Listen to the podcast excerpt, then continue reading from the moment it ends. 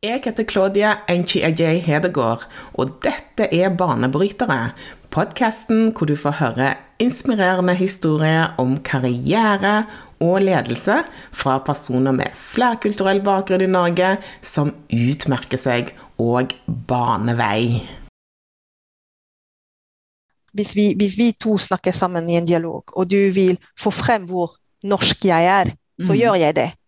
Og hvis du vil få frem hvor fransk jeg er, hvor annerledes jeg er, så Mm. gjør jeg det. ikke sant? Mm. Uh, så det har med de spørsmålene du stiller, og måten jeg svarer.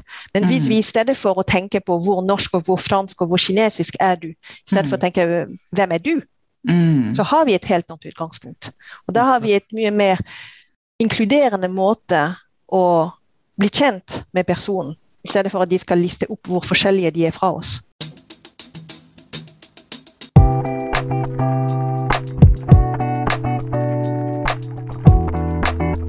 Gjesten i dag er en ekspert på interkulturell kommunikasjon, kulturforståelse og global ledelse. Annelise Lie er associate professor ved NHH og har gjort seg bemerka i akademia. Hun er en ettertrakta foredragsholder og underviser i interkulturelle kommunikasjon. Hun brenner for krysskulturell brobygging og bistår organisasjoner med å navigere kulturforskjeller på arbeidsplassen. Annelise er den første kvinnen og den eneste med flerkulturell bakgrunn som har prestisjestatusen som merittert underviser ved NHH. Hun har vært med på å etablere og er styremedlem i Vestland krysskulturell brobyggertjeneste. Hun har en master i både management og fransk, og en doktorgrad i interkulturell kommunikasjon fra NHH.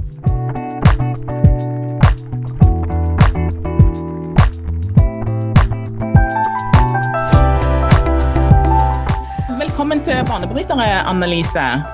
Utrolig hyggelig å ha deg her. Hvordan går det med deg i dag? Det går kjempebra. Hva du har funnet på? Ja, det er faktisk min første dag på jobb etter sommerferien i dag. Jeg begynte sommerferien eh, litt tidligere enn andre, og så starter jeg eh, litt tidligere enn andre. Og det er veldig greit. Da får jeg eh, ro og fred til eh, å tenke på eh, prosjektet jeg har lyst til å drive med til høsten. Veldig eh, klar til å starte igjen. Ja, jeg gleder meg til eh, å jobbe med dem igjen. Du, det er jo ikke hver dag vi får en ekspert på eh, interkulturell kommunikasjon, kulturforståelse, global ledelse. Dette er store tema, og der særlig kultur og eh, kulturforskjeller-biten syns jeg er spesielt eh, spennende. Eh, vi vet jo at dette temaet her engasjerer veldig, veldig mange. Eh, men det forvirrer, og det frustrerer også. Og så vet vi òg at veldig mange har mening om hva dette her er for noe. Men, men kultur har jo mange ulike tolkninger, eh, og det kan brukes som et verktøy for å inkludere og få ekskludere. Eh, men det er et område som, eh, som virkelig er ikke så lett å få tak på alltid. Men du har jo gjort dette her til ditt forskningsområde, eller sånn ekspertiseområde. Altså, jeg gleder meg til å, å, snakke mer om det. Men før vi gjør det, så vil jeg jo veldig gjerne at du bare sier kort om hva er interkulturell kommunikasjon Altså, eh, interkulturell kommunikasjon er et stort fagfelt, og det er også fordi at kultur er et begrep som er, som du, du har sagt, vanskelig å definere uh, bare fra ett fagfelt. Så interkulturell kommunikasjon er et, er et fagfelt der man har studert kultur fra veldig ulike mange perspektiver. Og jeg jobber med interkulturell business communication, og jeg ser på hvordan organisasjoner eller individer kan navigere kulturforskjeller for å få det beste ut av mangfoldet. Og jeg har jobbet med mange prosjekter. F.eks. så har jeg sett på hvordan kulturforskjeller, eller oppfatning av kulturforskjeller, påvirker samarbeid på tvers av kulturer. Jeg har sett også på hvordan bruken av et fellesspråk, om det er norsk eller engelsk, i bedrifter blir oppfattet av ansatte, hvilke maktrelasjoner det kan skape. Som du har sagt, det kan inkludere og ekskludere. Det siste året så har jeg forsket på flerkulturelle i Norge, og hva type hindringer de har møtt. Hva, hvilke strategier de har brukt for å lykkes i Norge. Og så uh, forsker jeg uh, hvordan man best kan lære interkulturell kommunikasjon. Og her er det sånn at kunnskap og teorier er ikke nok. Man må kunne praktisere og reflektere over sin egen atferd for å utvikle interkulturell kompetanse. Og så underviser jeg, uh, underviser jeg global ledelse, interkulturell kommunikasjon, der jeg prøver å lære studenter der, uh, om å lede og samarbeide på tvers av kulturer, utvikle interkulturell kompetanse. Ja. Jeg, jeg, er veldig spent på å høre mer eh, om eh, hvorfor du valgte akkurat disse områdene eh, som fokus i ditt eh, profesjonelle løp. Og så kommer vi òg til å snakke om norsk arbeidskultur, ledelseskultur, kommunikasjonsstil, og hvordan nordmenn oppfattes av andre kulturer. Og så er det jo selvfølgelig også å høre mer om deg og dine profesjonelle valg. For du har jo en spennende historie også i forhold til liksom det at du er jo multikulturell til de grader. Eh, du var for så vidt litt innpå dette med, med, kultur. Hvis du skulle på en måte forklart, eh, eller liksom gitt en sånn enkel definisjon av kultur, hva ville det vært? Og det blir vanskelig. Eh, men hvis vi sier det ulike kulturer, eller kultur påvirker måten vi oppfører oss, hvordan vi snakker til hverandre eller med hverandre, og hvordan vi oppfatter det som er rett eller galt. Mm. Veldig sånn, kort og enkelt.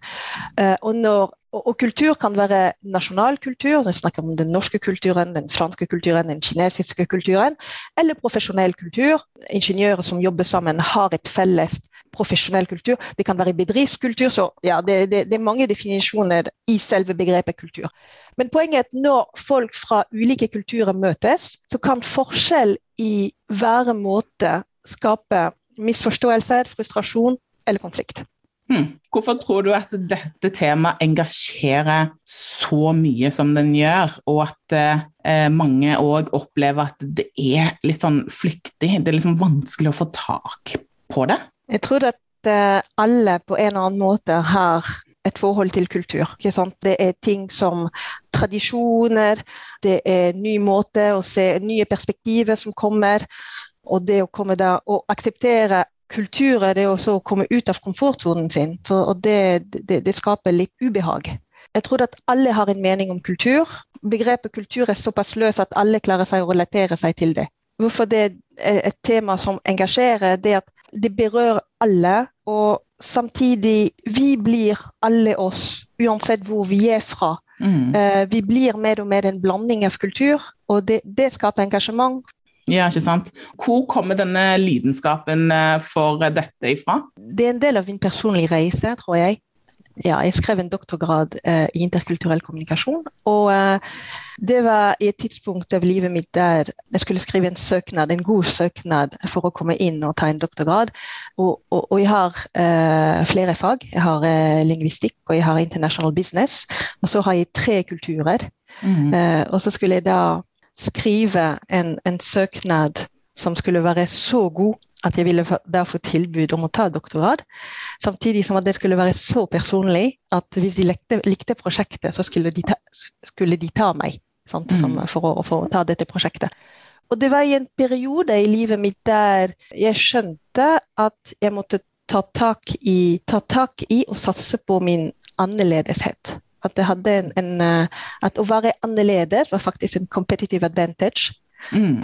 fremfor eh, en handikap å si det sånn. Men hvordan skjønte du at det var en competitive advantage? Jeg hadde kjent det på, på kroppen at det var noe. Det var også uh, det her med at når du leser teorier som fins, og ikke nødvendigvis sånn superfaglige teorier, men om kulturer, så har, en, har en, disse teoriene har en tendens til å sette deg i bås. sant? Mm. Denne kulturen, denne kulturen. Og så følte jeg at det ikke hørte til verken den ene eller den andre. Uh, det, det, det har skapt opp gjennom litt sånn identitetskrise, fordi jeg jeg følte at det var uh, den ene, men ikke den andre. Og så følte jeg at det var kanskje den andre og ikke den ene. Og så fant jeg ut at ja, og så kom det en tredje kultur på toppen av det hele. Så jeg følte at det var en um, mismatch mellom hvordan kultur, nasjonal kultur var beskrevet, og hvordan jeg personlig som individ følte meg begynte doktorgraden min i, i 2011, men i, i, i, 2010 så var det da en episode som uh, med, med, nobelprisen til uh, en kinesisk dissident. Og det skapte veldig mye diskusjoner i Norge. og jeg husker at jeg leste diskusjonen med, med, stor interesse, og jeg skjønte da at det var en del ting som jeg forsto veldig sånn i, la oss si, intuitivt, som nordmenn ikke forsto. Og da tenkte jeg oi, her er det noe som jeg trenger å forske videre på. Det, det er noe som plagde meg. Og jeg tror at uh, når man blir plaget av noe, så er det et godt utgangspunkt til å begynne å forske på det. når du søkte på å få mulighet til å skrive ph.d.-en, så, så, hadde du på en måte en sånn uh, en, en, skikkelig sterk motivasjon, da. Uh, ja. Og lidenskap basert på din egen erfaring. Ja, og da skulle jeg se på, uh, på, bedrifter og hvordan samarbeid på tvers av kulturer foregikk i, uh, i, i en bedrift. Uh, med fokus på norsk-kinesisk og fransk kultur. Så jeg var mhm. ute etter et internasjonalt firma som, som, hadde, som, ja, som var såpass internasjonal. Eh, og så ble det et annet firma der, som ikke hadde noe business i, i Frankrike, men som hadde business i, i Kina, i Korea, eh, i Tyskland, i Sverige, i Norge. Og det var veldig interessant å se. Eh, hvordan oppfatning av kulturforskjeller kunne hindre godt samarbeid. Dette her med arbeidskultur, hva er det som kjennetegner norsk arbeidskultur? Ja, så jeg har nettopp sagt og snakket om å ikke sette kulturen i bås, så skal jeg gjøre det selv. Nei, men hvis jeg prøver å, å, sette noen trekk der, for det, det, er noe som er til felles, i, og, og det er at den norske arbeidskulturen er preget av work-life balance. Man jobber hardt i Norge, men man har samtidig respekt og forståelse for at man skal levere og hente barn i barnehagen, eller at man har en relativt lang foreldrepermisjon. Man er ferdig relativt tidlig hvis man sammenligner med andre land, fordi at man har forståelse at andre ting i livet skal skje etter klokka 16. Og når det gjelder f.eks. ledelse, så i Norge så vi lever i egalitært samfunn der det er lite avstand mellom ansatte og sjefen. Uh, nå disse dagene så ser jeg sånn, uh, en amerikansk TV-serie med et advokatfirma osv. Og, og, og det jeg ser, det at uh, sjefene de har de fineste kontorene og den fineste utsikten. og det er ikke nødvendigvis sånn i Norge. det er ikke sånn at sjefen nødvendigvis har den beste parkeringsplassen og det fineste kontoret. I Norge er man relativt uformell det er akseptert og forventet at du skal snakke direkte til sjefen. At du sier fra om du er uenig. Og da tenker man at en god, i, Norge tenker man at en god leder er en leder som hører på alle, og som tar beslutning basert på konsensus. Hva med om en norsk arbeidskultur? Kommunikasjon. Forskning sier at nordmenn har en tendens til å være direkte. Samtidig så er det andre studier som viser at de kan også bli oppfattet som for indirekte, og spesielt når det gjelder tilbakemelding. Mm. Uh, og hvorfor er dette her viktig? Det er altså For en utenlandsk arbeidstaker så er det viktig å vite uh, det som er akseptert og forventet i en norsk arbeidsplass. Og i Norge, når man er i Norge, så uh, for nordmenn denne kulturbiten Man tar det ofte for gitt at sånn er det. Uh, men ting er det, det er flere og flere utenlandske arbeidstakere, og det er viktig å bli bevisst på sin egen kultur for å kunne kommunisere om det. Uh, og man snakker ofte om uskrevne regler. Det, det, er faktisk viktig å kommunisere rundt dem. Mm. Og så det her med nordmenn i utlandet. sånn Hvis, hvis nordmenn er er i utlandet og har et atferd som er forventet i Norge. Mm. Så de kan bli oppfattet som uhøflige fordi at de er for lite formelt. De kan komme til møte uten uh, slips og dress, og, og det kan uh, viser lite respekt for, for motparteren. Nordmenn kan av og til glemme at det fins mye hierarki i de landene de, de er, og da glemmer de f.eks. å bruke titler. Mm. Og det igjen kan det være kan backfire. De kan være for direkte, og spesielt når de snakker et annet språk, som er da engelsk generelt, som de ikke mestrer som uh, sitt eget morsmål. For da har de ikke de nyansene uh, som de ønsker. Mm. Så, så, her kan de, de, de kan bli oppfattet som uformelle, uhøflige. Og når det gjelder ledere, så i noen land en god leder er en som bestemmer og er tydelig. Og den konsensusbasert ledelsesstil som fungerer veldig bra i Norge, uh, kan bli sett Eller en leder som er sånn, kan bli sett som en svak leder, som ikke vet uh, hvor hen skal. Mm. Så, så, det er sånne ting som, som, Vil man være en god leder i utlandet, så må man forstå sin egen kultur og forstå den kulturen man beveger seg i. Mm. Men når Fordi jeg opplever jo, eh, jeg, når jeg har jobba med eh, altså sånn internasjonalt og da har jo jeg merka at eh, når vi har sittet i møte, f.eks. innen forhandlingsmøter eller hva det måtte være med, med eh, motparter som kommer fra, fra, et annet land, de eh, oppfatter eh, oss som rett og slett frekke fordi at vi bruker jo Vi bruker liksom ikke de der høflighetsfrasene. Det er liksom ikke i vokabulæret, i hvert fall det kommer ikke lett for oss, da.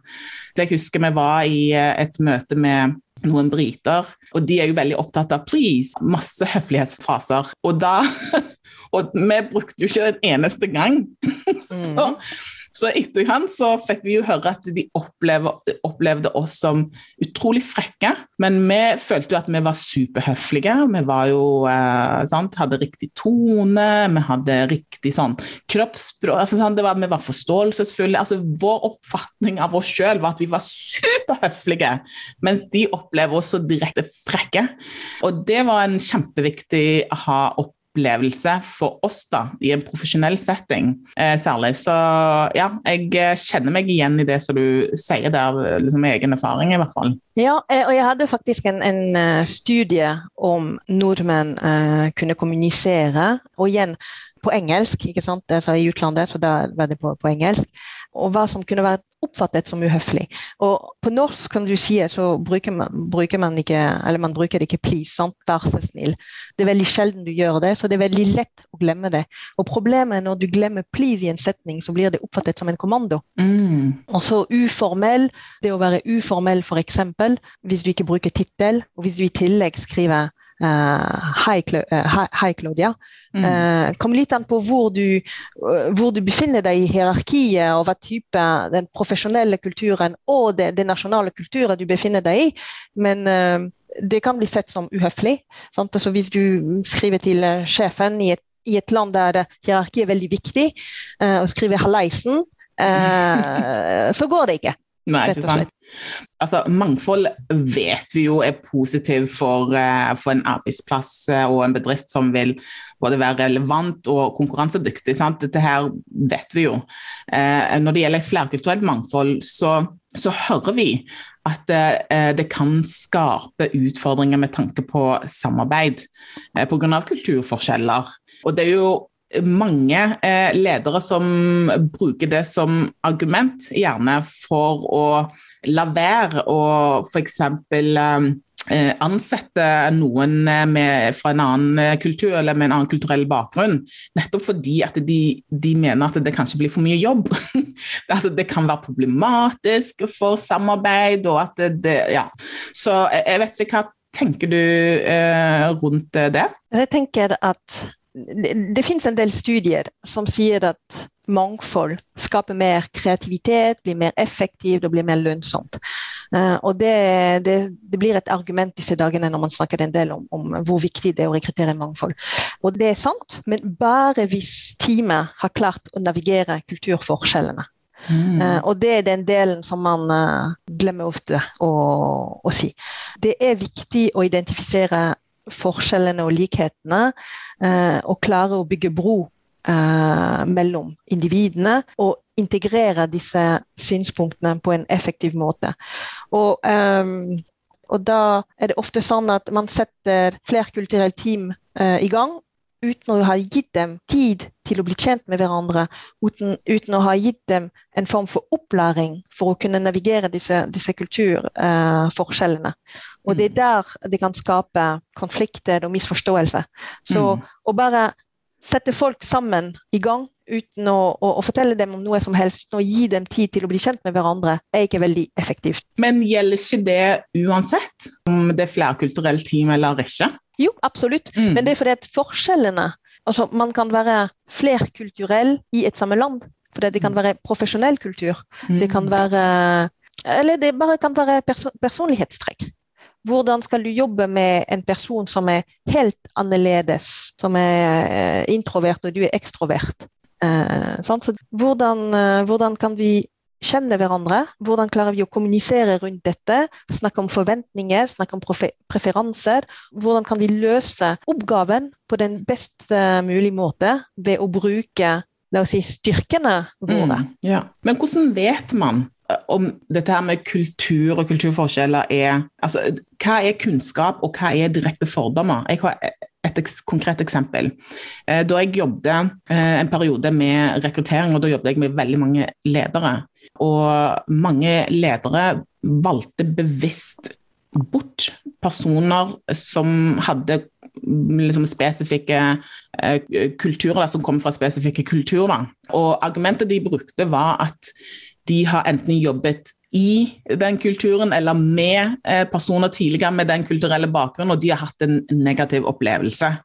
Og Derfor så, så sitter de med et inntrykk av at eh, folk fra den spesifikke kulturen er problematisk å, å, å jobbe med. da. Og, så, og, så, blir de vel, valgt bort. Og så tenker jeg, For meg så er jo dette her kjempefarlig og en eye-opener for min egen del.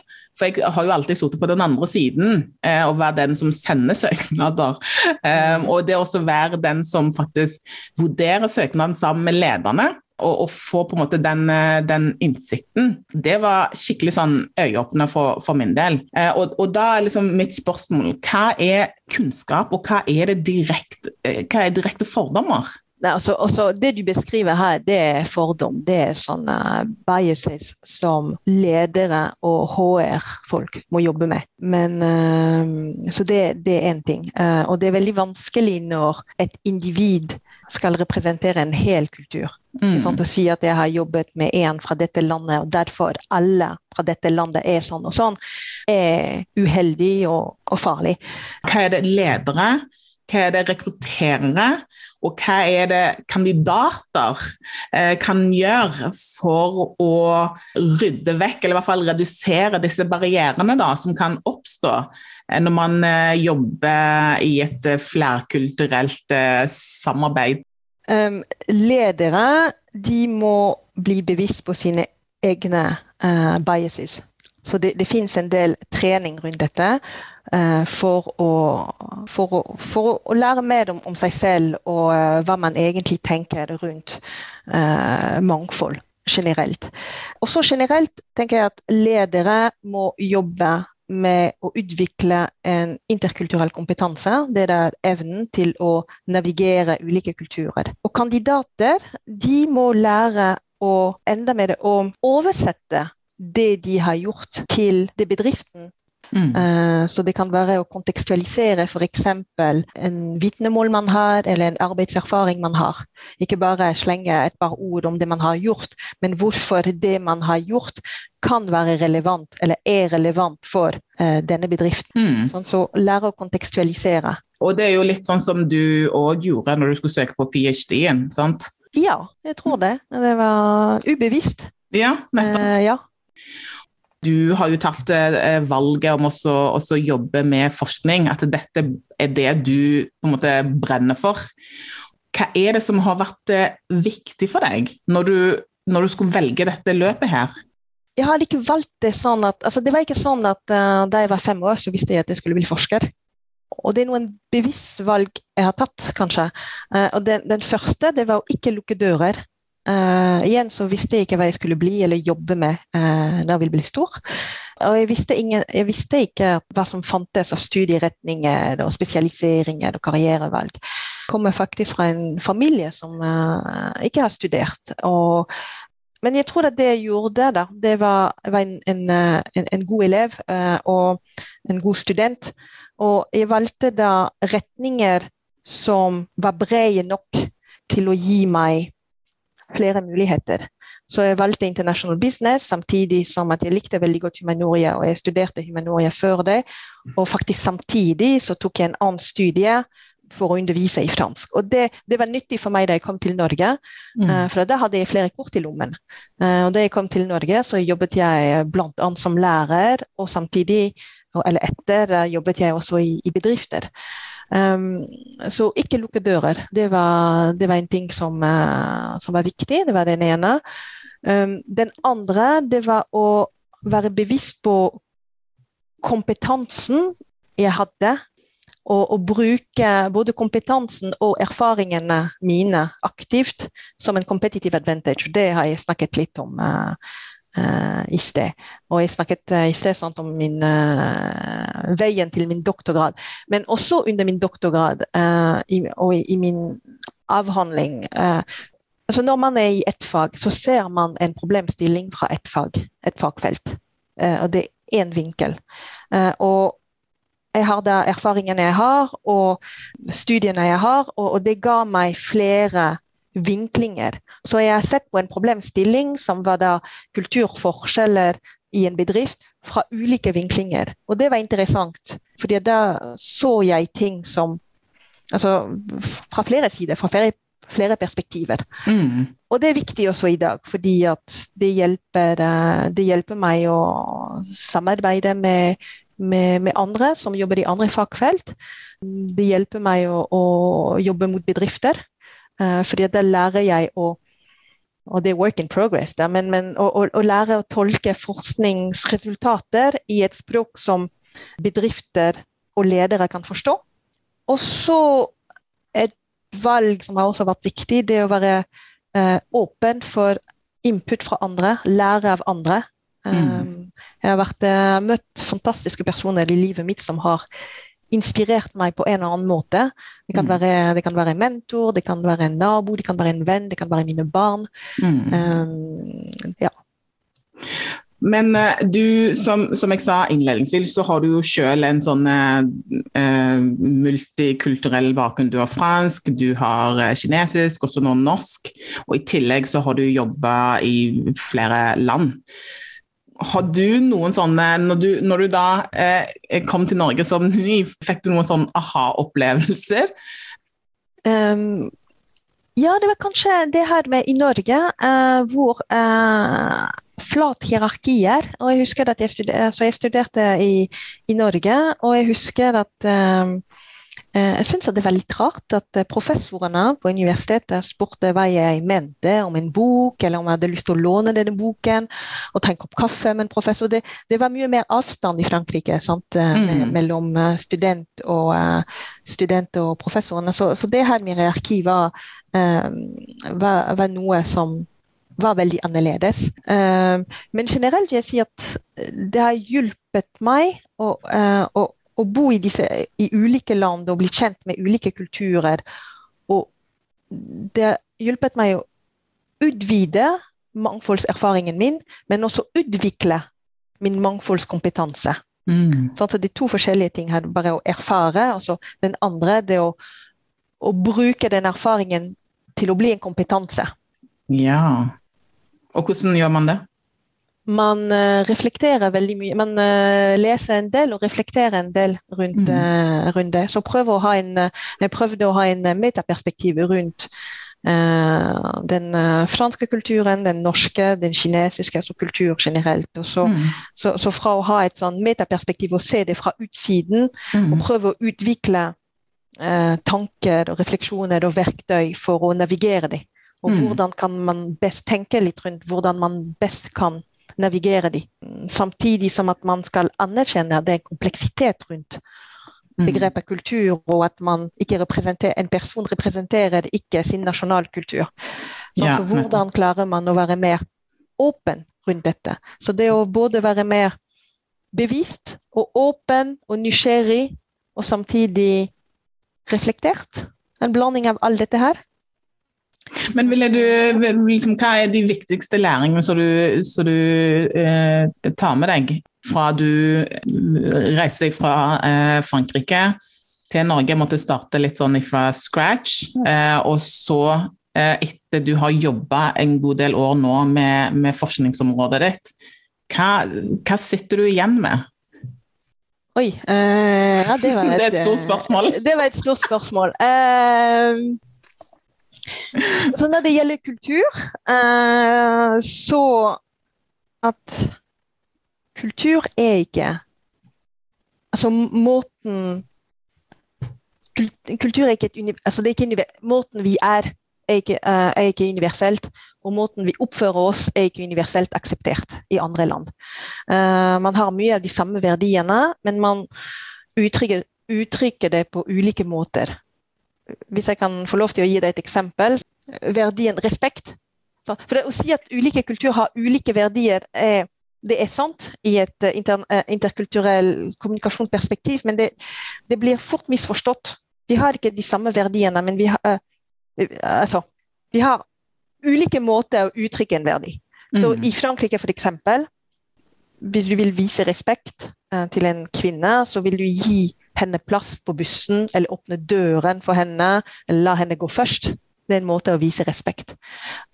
I Norge, men Hvis vi forventer dette i Norge, så skjer det ikke så ofte. Eller mer og mer, men i hvert fall for 15 år siden da jeg kom, så skjedde det ikke så ofte. Og uh, jeg ble litt fornærmet. Uh, men egentlig det var fordi at uh, man viser respekt på en annen måte i Norge. Og da viser man respekt ved å stole på at du er et likestilt menneske på en måte, som er mm. selvstendig nok til å klare deg selv. Mm. Uh, I Frankrike så er det å vise respekt uh, og småprate litt med den du er. Mens i Norge så du viser respekt ved å la den andre være i fred. Mm. Så det er den samme verdien, det å vise respekt, men det oversettes i, på ulike måter. Det var veldig interessant det, det som du sa eh, der. For det er jo sånne ting man ikke tenker over. At man har alle eh, ulik forståelse av eh, ja, ulike verdier. Respekt, omsorgsfull. Ja, hva betyr det i, i mm. Norge versus eh, Ghana eller Kina eller Frankrike? Sant? så det, det, er jo ganske interessant, det der.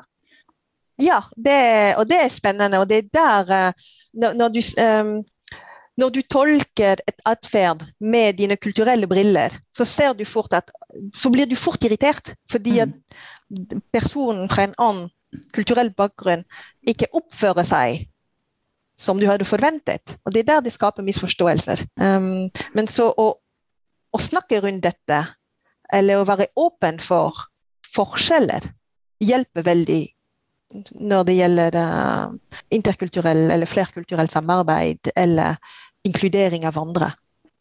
Jeg har jo òg jobba med ledere som er, er veldig sånn var på å spørre for mye om noen andre sin kultur. For da har, føler de kanskje at de, de, med å gjøre det allerede lager en slags vi og dem. At du, mm -hmm. du er annerledes. Derfor så må jeg finne mer ut om din annerledeshet. Eh, og derfor så vil du føle deg ekskludert og annerledes. det er en sånn ja, men, forferdelig loop? Ja, eller? men det er der at man må ikke spørre, spørre, om kultur, man må spørre om individen som man har foran mm. seg. Fordi at Av og til så kan det stemme med kultur, men ofte så stemmer det ikke. Uh, så, så, hvis du i stedet for å tenke at du skal stille spørsmål for å bli kjent med personen, så uh, er det mye gøyere og mye mer interessant å spørre i hvilken grad denne personen er annerledes fra deg. Sånn, så bare bli kjent med personen som du snakker til, eller du snakker med. Så fokuser på individet, og ja. ikke på kulturen. Og det, det er ja. der nøkkelen ligger. Ja, absolutt. For man henger seg kanskje litt for mye opp i kulturforskjell, at det i seg selv blir en sånn selvoppfyllende profeti. Sant? Ja, og det blir det. Ja. Det, det, blir gjerne det hvis man tenker for mye på kulturen. Men hvis man blir uh, kjent med personen, så ser man at ja, ja, det, det, er det, men det er masse andre ting. ikke sant? Mm. Og, og, problemet med personer, personer, som oss, Claudia, det er mm. hvordan uh, i, i, i, hvilken boks, i hvilken bås kan man sette oss i? Og da ser man fort at passer det ingen av de, og alle, i, alle, både alle og ingen. Og det er veldig synlig for oss, for vi ser annerledes ut. Men, uh, men mang, mangfoldet fins mm. Også med de som ser ut som majoriteten. Å være bevisst på kultur er også å tenke på individ, uh, og se individet som den er. Mm. Fordi at kultur er også noe man konstruerer i interaksjon.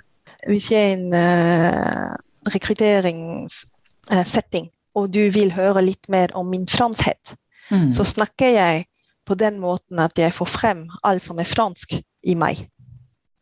Mens vi bare, hvis vi to bare snakker som to individer med en mm. kopp kaffe, så snakker jeg om masse andre ting som trenger å være verken fransk eller norsk eller kinesisk. Men jeg snakker om det jeg liker, og det du liker, og personen du er, og personen jeg er. Men han trenger ikke å sette et sånn nasjonal Uh, en sånn label. Ja, eh, boks. For da bokser man inne. Ja, liksom så Det eksempelet som jeg hadde med ledere som rett og slett bokser inn kandidater. Ja. Og det var enklest for dem. Det hvis de heller hadde tenkt, sånn som du sier nå, tenk på individet. Hvem er denne personen i søknad? Hva er det denne personen egentlig prøver å si? Så hadde kanskje utvelgelsen vært litt annerledes, da, eh, tror jeg. Mm. Jo, absolutt. Og det Altså, jeg har veldig tro på at uh, vi, vi, lager kultur i en interaksjon. Det vil si at hvis du vil prøve hvis vi, hvis vi to snakker sammen i en dialog, og du vil få frem hvor norsk jeg er, så mm. gjør jeg det. Og hvis du vil få frem hvor fransk jeg er, hvor annerledes jeg er, så mm. gjør jeg det. ikke sant? Mm. Uh, så det har med de spørsmålene du stiller, og måten jeg svarer. Men hvis mm. vi i stedet for å tenke på hvor norsk og hvor fransk og hvor kinesisk er du, i stedet for å mm. tenke hvem er du, mm. så har vi et helt annet utgangspunkt. Og da har vi et mye mer inkluderende måte å bli kjent med personen, i stedet for at de skal liste opp hvor forskjellige de er fra oss. Så, så det å forstå altså, kultur og, og, og, ta veldig sånn hensyn til kultur i et, uh, i et flerkulturelt samarbeid er ikke nødvendigvis bra, fordi det kan ekskludere òg. Du, du, du, må kjøre Ja, det Du må gjøre begge deler. Yeah. Du, må, du må ha Det er veldig, det er veldig viktig å, å lære uh, om andre sin kultur for å ha litt sånn refleksjonsknagg. Mm. Samtidig skal du, skal du, ikke sette folk i bås. Og det er der, uh, det, det er der uh, utfordringen er. Så for å spørre deg, da. Fordi mm -hmm. jeg eh, har nevnt i hvert fall to ganger nå i løpet av denne podkasten at du har et multikulturell eh, bakgrunn. Føler du at eh, med det som du sa da, med, med, det som du sa som bakgrunn, føler du at jeg nå gjorde noe som ikke var lurt å gjøre. Fordi at jeg, eh, jeg fokuserte kanskje litt for mye på eh, din multikulturelle bakgrunn istedenfor å snakke med Anne Lise. Nei, altså jeg tenker at Du har insistert på at jeg har en flerkulturell bakgrunn, og jeg har prøvd å fortelle deg hvordan jeg har, jeg har brukt min bakgrunn. Men du har ikke spurt uh, er det fransk å gjøre sånn. Er det, er, oh, ja, er det fordi sånn, du er fransk at du gjør sånn? ikke sant? Så, um, da er det innafor. Uh, da er det lov. Ja, det var veldig innafor. men, men, dette her er jo kjempe... Altså, Annelise, dette her er jo akkurat det som jeg syns eh, er viktig å snakke om. fordi det er, jo, det er, jo, sånne ting folk ikke helt vet hvordan de skal de skal te seg eh, når de skal snakke med noen som har flerkulturell bakgrunn. fordi ønsker ikke å tråkke feil, de ønsker ikke å ekskludere personen med å spørre for mye om ja, hvordan er det å være fransk da? Uh, er det interesse, eller er det bare fordommen eller stereotypi? eller what is it? Så jeg syns det var veldig interessant, og jeg spurte det spørsmålet nettopp fordi at uh, hva er det som er innafor? Og hva er det som er på en måte Nå, nå tar du individet ut av uh, ligningen her. Ja. hva, hva tenker du, var jeg flink? ja. Eh, nei, men jeg, jeg, tenker, altså, sånn, jeg har en enorm oppfatning av kultur. Kultur er ikke noe du har, men det er noe du gjør i en interaksjon. Mm. Og Det kan være litt sånn vrient å forklare av og til, men uh, nå mm. kom det litt sånn naturlig. ofte er kultur sånn noe som man, man, tenker noe man har. Det er en essensialistisk måte å, å ha en kultur. Du, du, du, har den norske kulturen, eller du har den tyske kulturen, og derfor skal du oppføre deg sånn og sånn og sånn. Uh, og da tenker jeg det, det er ikke så produktivt eller effektiv å gjøre sånn.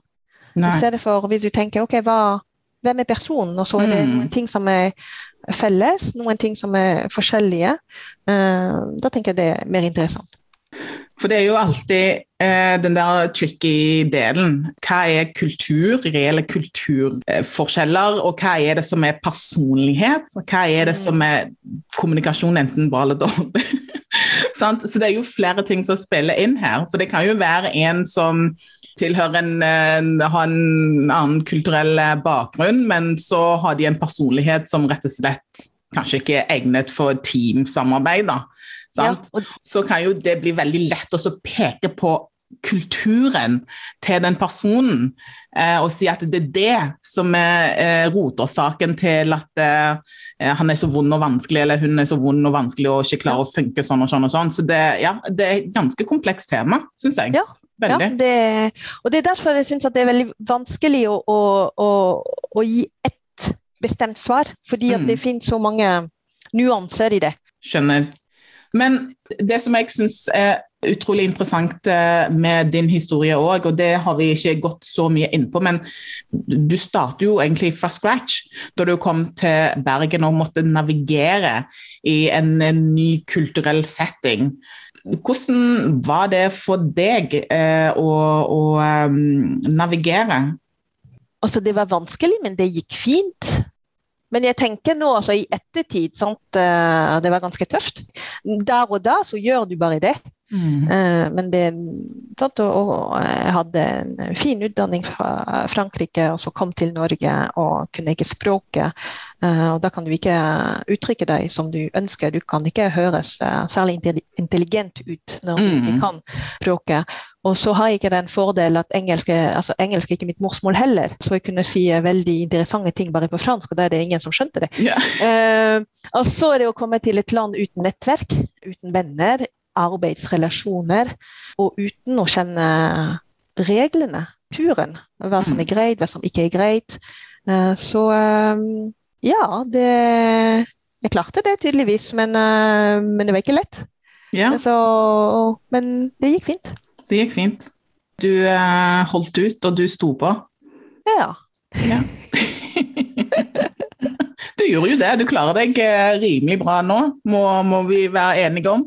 Du... Ja, men, men jeg, har vært, jeg, har vært, heldig at jeg har, eh, jeg har møtt fantastiske mennesker eh, underveis. Gode mentorer som har veiledet og lyttet og satset på meg. Jeg har ikke gjort dette alene. Eh, jeg mm. har venner og familier, og jeg har hatt eh, gode mentorer underveis. En mentor mentor f.eks. som uh, altså Da jeg studerte i Norge, så tenkte jeg at jeg skulle studere videre for å undervise fransk. Og så var det en, en professor som fant meg, og som så et potensial for forskning. Så hun uh, hjalp meg uh, i denne veien. Jeg hadde ikke tenkt direkte forskning da. Og så underveis så har jeg hatt en annen mentor som har hjulpet meg å jobbe med avhandlingene jeg hadde, og komme ut av komfortsonen og, og, tenke out of the box. Mm. Så det har vært en annen mentor som har hjulpet meg med noe annet. Og så mm. nå nylig så har jeg hatt en eh, mentor som har uh, hjulpet meg å få mer selvtillit og tørre å ta mer plass. Og det har mm. vært veldig verdifullt i mm. den reisen jeg er nå. Så um, å treffe, treffe gode, gode mennesker rundt meg har vært veldig viktig. Hva er det du har lyst til å oppnå? Nå har jo du fått til eh, veldig mye innenfor eh, ditt eh, felt, så hva er neste steg? Tør å ta mer plass. Jeg skjønner at temaet jeg jobber med er viktig og nyttig for samfunnet, og at det er min rolle å formidle forskningen, ikke bare min egen, men også andre sin. Så å tørre å, tørre å satse på meg selv og si at eh, ja, jeg har faktisk noe å, å fortelle, og gjøre det. Jeg sa tidligere at jeg hadde et forskningsprosjekt uh, der, jeg, jeg hørt, uh, der, jeg, intervjuet uh, flerkulturelle i Norge. Mm. Um, Jeg har lyst til å gi dem en stemme, kanskje gjennom meg, da, men å, å, å få ut denne stemmen i, i, i, norsk forskning. For at forskningen som man har hatt så langt, det er forskning fra majoriteten. Og uh, både når det gjelder forskere, men også, men også forskningsobjekter. Så man mm. har f.eks. intervjuet norske ledere på hvorfor de ikke ansetter flerkulturelle. Mm. Mens jeg ser problemstillingene hermetegn Sant? fra, fra, et annet, annet, perspektiv, hvordan flerkulturelle opplever det. Så det er en ambisjon og en motivasjon å bli uh, professor etter hvert er det neste steget, som full professor. Ja, også, men generelt er sånn, mottakelig for det som kommer. Lærer lære masse underveis. Eh, har lært masse og så har prøvd masse ting, kommet ut av komfortsonen. Så bare å fortsette å gjøre det. Det høres veldig bra ut, Annelise.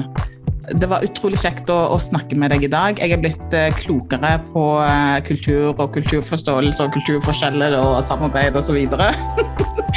så tusen takk for den oppklaringen. Det var kjempegøy. Takk for takk praten. Til, takk til deg, Claudia.